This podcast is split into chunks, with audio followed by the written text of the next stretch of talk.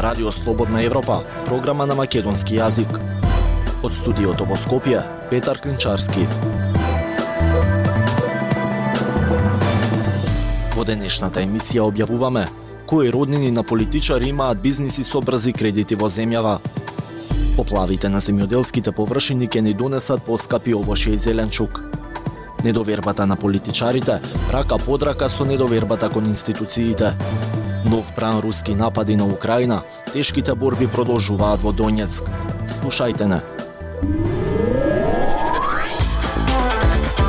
Независни вести и анализи за иднината на Македонија. На Радио Слободна Европа и слободнаевропа.мк.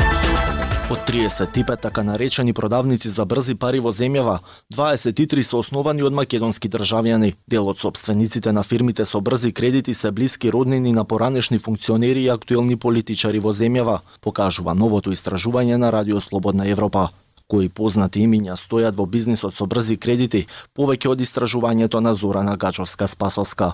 Во бизнисот со брзи кредити, тежок 150 милиони евра, каде што се регистрирани 35 фирми за брзи кредити, 23 компании се основани со домашен капитал. Дел од македонските собственици на овие продавници за пари се роднини или блиски соработници на важни политички фигури во земјава. Едно презиме во собственичката структура кој го привлекува вниманието е роднина на поранешниот премиер Зоран Заев од СДСМ. Неговата стрина Убавка Заева. Таа е собственик на финансиското друштво Пеон од Струмица. Управител на оваа фирма е незината ќерка, Катерина Бојовиќ Заева. Убавка Заева е и мајка на Трајче Заев, кој е познат на јавноста по бизнисите со производство на медицински канабис, кој ги стартуваше додека неговиот братучет Зоран Заев беше на власт. И синот на поранешниот премиер од ВМРО ДПМН, сега председател на ВМРО Народна партија Љупчо Георгиевски е влезен во бизнисот со брзи кредити. Синот на Георгиевски, Лав, во време на пандемијата со COVID-19, отворил продавница за пари во центарот на Скопје, Премиум Finance, со основачки влог од 100.000 евра и приходи од 40 до 75.000 евра. Оваа фирма остварила добивка од по 5.000 евра годишно, покажуваат завршните сметки. Минатата година во овој бизнис влегол и синот на поранешниот прв разузнавач и советник за национална безбедност во кабинетите на поранешниот премиер Заев и на актуелниот премиер Димитар Ковачевски, Зоран Верушевски. Неговиот син Александар Верушевски лани ја отворил фирмата General Finance во Струга, со подружница во Скопје, која се занимава со издавање на брзи кредити. Само во 2022 година имал 43.000 евра приход, а заработил 20.000 евра. Еден месец по отварањето на новиот бизнес Верушевски ги затворил двете фирми од областа на игри на среќа и една чија деност била производство на фармацевски препарати. Покажуваат документите од Централниот регистар. Синот на поранешниот прв разузнавач Александар во неколку наврати имаше проблеми со законот. Беше осумничен и обвинет, а во 2005 и осуден на една година затворска казна поради обид за изнуда во, во кафе барот Адмирал во Струга. Во 2007 тогашниот председател Бранко Црвенковски го помилува помладиот Верушевски, односно го ослободи од одлежување на затворската казна. Од градоначалник на СДСМ во Битола преку судски инволвиран во неголемата пирамидална финансиска измама Таткон крајот на 90-тите, до сведок во судски процеси на поранешното специјално обвинителство за поранешните функционери од ВМРО ДПМН. Станува збор за најпознатиот битолски бизнисмен Силјан Мицевски. Бизнисменот Силјан Мицевски во 2016 година под името Пелистер ја основа и фирмата за брзи кредити со седиште во Битола. Од фирмите кои им нудат заеми на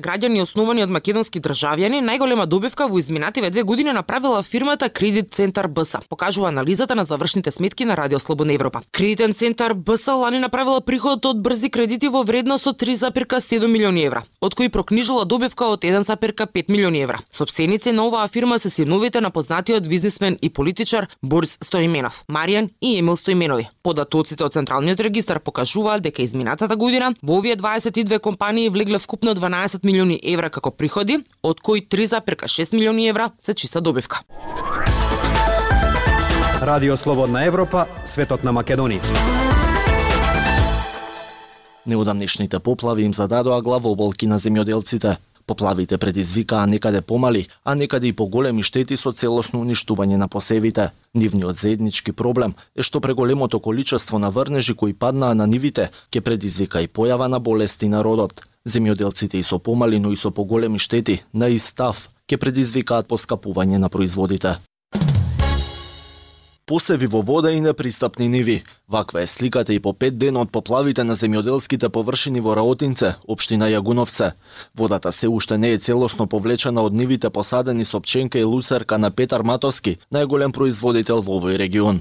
Од на 60 хектари посадена пченка, површински само една третина се спасила од надојдената вода. Иста е состојбата и со луцерката, вели Матовски. околу 15 до 20 е, хектари имамо под луцерка, под лјонџа. Те сега еден дел ми е останато, значи не косе, не еден дел, нема една сламка не сме донеле дома. Не може да се суши тоа, пробамо нешто да косимо скапа, така да у, у многу незавидна ситуација околу храна ќе бидеме година. По поплавите во саботата, Обштина Јагунов се формираше комисија за да ги утврди штетите. Досегашните наоди покажуваа дека околу 150 хектари со земјоделски култури се зафатени со вода. За штетите на терен се формираше комисија составена од представници на Обштината и местната заедница. Во текот на вчерашниот ден на земјоделците им се доставени образци за пријавување на штета. Тие ќе имаат рок од 10 дена да наведат колку површина на култури им било уништено во поплавите.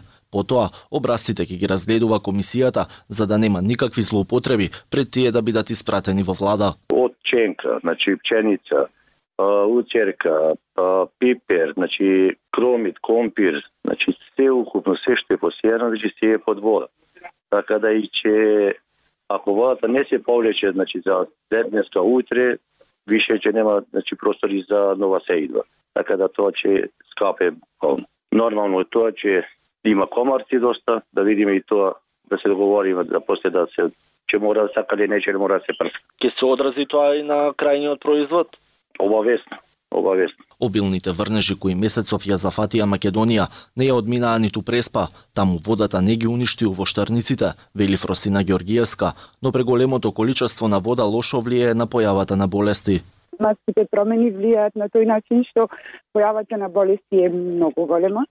Значи, буквално секој ден треба ние да одиме со атомизарите и да ги заштитуваме овошните насади, тоа на вистина многу кошта.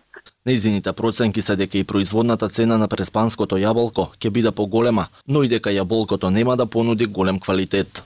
Од Министерството за земјоделство, шумарство и водостопанство вела дека досега на нивна адреса нема пристигнато пријави за обештетување. Постапката пропишува дека прво комисиите формирани од општините мора да изготват извештај од терен кој подоцна ќе биде предаден до влада. За сега такви комисии се формирани само по поплавите во Делчево и Раутинце во Јагуновце. До сега, во текот на јуни, големи количини на дошт ги погоди голем број на градови во државата. Слободна Европа Следете не. на Facebook, Twitter и YouTube. Секој трет човек во земјава не им верува на политичарите, покажува истражувањето на Институтот за политички истражувања. Освен во политичарите, недовербата на граѓаните е голема и во институциите. За експертите, причина за тоа е партизација на институциите. Анализата ја подготви Марија Тумановска. Една третина од граѓаните не им веруваат на македонските политичари, покажува неодамнешната анкета на Институтот за политички истражувања. И оние граѓани кои ние ги прашавме велат дека се поредко ги интересира што кажуваат политичарите, зошто како што велат искуството покажало дека не треба да им се верува. Денеска ти вика така и ти се надеваш, правиш планови дека така ќе биде. Кога за месец ни месец дена не оди, тоа отишло сето напаку. Кого да верува? Хајде каже, дали председател, дали премиер, дали министри, кого? Вели скопјанецот Митко. Па према денешно време секој еден не е интересно више да ги гледаш, затоа што све едно исто го зборуваат. А најлошиот збор во политиката знаете кој е? Ке. А тоа ке е многу лошо е. Него треба да се докаже, ова го направивме, ова го направивме, вака вака бидна, тоа бидне, а не ке. Вели Илјас, продавач од Скопје. А недовербата кон политичарите оди паралелно со недовербата која македонските граѓани ја покажуваат кон институциите. Граѓаните најмалку им веруваат на судскиот систем, собранието и владата, покажало истражувањето на Националниот демократски институт и Институтот за демократија, Социетас Цивилис. Највисока доверба пак меѓу граѓаните имаат верските заедници, војската и полицијата. Недовербата во институциите е резултат на нивната партизираност, уверува извршниот директор на Институтот за демократија Марко Трошановски. Тоа е партизација на институциите, додека се случува и начин на кој што се вработуваат луѓе во истата, односно луѓе кои што ги пополнуваат институциите, што им даваат живот на тие институции, се до тогаш луѓето ќе ги доживуваат како туѓи тие институции. Пред се се заснова на критериумот на мерит, на заслуга, на професионалност, да доста на кој што луѓето треба да бидат работување, макар и да бидат работување, макар и да бидат од партија. Вели Трошановски. Перцепцијата на доминантен дел од анкетираните граѓани, односно дури 79% од нив, е дека пратениците се целосно или делумно зависни од волјата на лидерите на политичките партии од кои доаѓаат. Според учесниците на фокус групите, постои строга партиска хиерархија каде што повисоките елити се договараат, а другите спроведуваат. Немањето одговорност, неказнивоста на тие кои работат лошо, но и партизацијата на институциите се главните причини поради кои опаѓа довербата во институциите, смета Трошановски, а довербата во институциите според него се гради со конкретни мерки. Видете едноставно, ако институцијата испорачува административна услуга, која за која што не мора да доплатите за да ја добиете, не мора да чекате со месеци, нема да ви биде сгрешен изводот автоматично 4 пати и така натаму, довербата сама по себе ќе се ќе се врати. Инаку во однос на најважните институции во политичкиот систем, председателот на државата има највисока доверба, но генерално може да се забележи ниска доверба во сите обштествени чинители и државни институции. Актуелности свет на Радио Слободна Европа. Русија ги интензивира нападите во Донецк, додека Украина истрела проектил кон мостот Чонгар, кој поврзува делови од областа Херсон со полуостровот Крим кој е под контрола на Русија. На конференцијата за закрепнување на Украина, која се одржа во Лондон, Европската Унија и неколку други земји ветија милиарди долари за реконструкција и повоен развој на земјата. Повеќе од Пелагија Стојанчова. Руските сили погодија цивилни и инфраструктурни цели со нов бран проектили и беспилотни летала во текот на ноќта. Соопшти украинската војска во утринското соопштение на 22 јуни, додавајќи дека се водат жестоки битки во источниот регион Донецк, каде Русија ги интензивира нападите. Генерал штабот извести дека украинската противвоздушна одбрана ги соборила сите шест беспилотни летала од иранско производство, но соопшти дека се уште неодреден број цивили биле убиени и ранети без да соопшти дополнителни детали. Шефот на локалниот народен совет под регионална воена администрација на Одеса Серхиј Братчук рече дека три дронови биле соборени во Јужна Украина, а други беспилотни летала предизвикале мала штета во регионот на Одеса. Павло Кириленко, началник на регионот Донецк, изјави дека еден цивил бил убиен од руско гранатирање, а шест други биле ранети во Часивхар кај Хорливка. Властите од други региони известуваат дека биле гранатирани во текот на ноќта. Од почетокот на минатиот месец Русија ги интензивираше нападите врз Украина, предизвикувајќи многу цивилни жртви и дополнително штетувајќи ја инфраструктурата на земјата.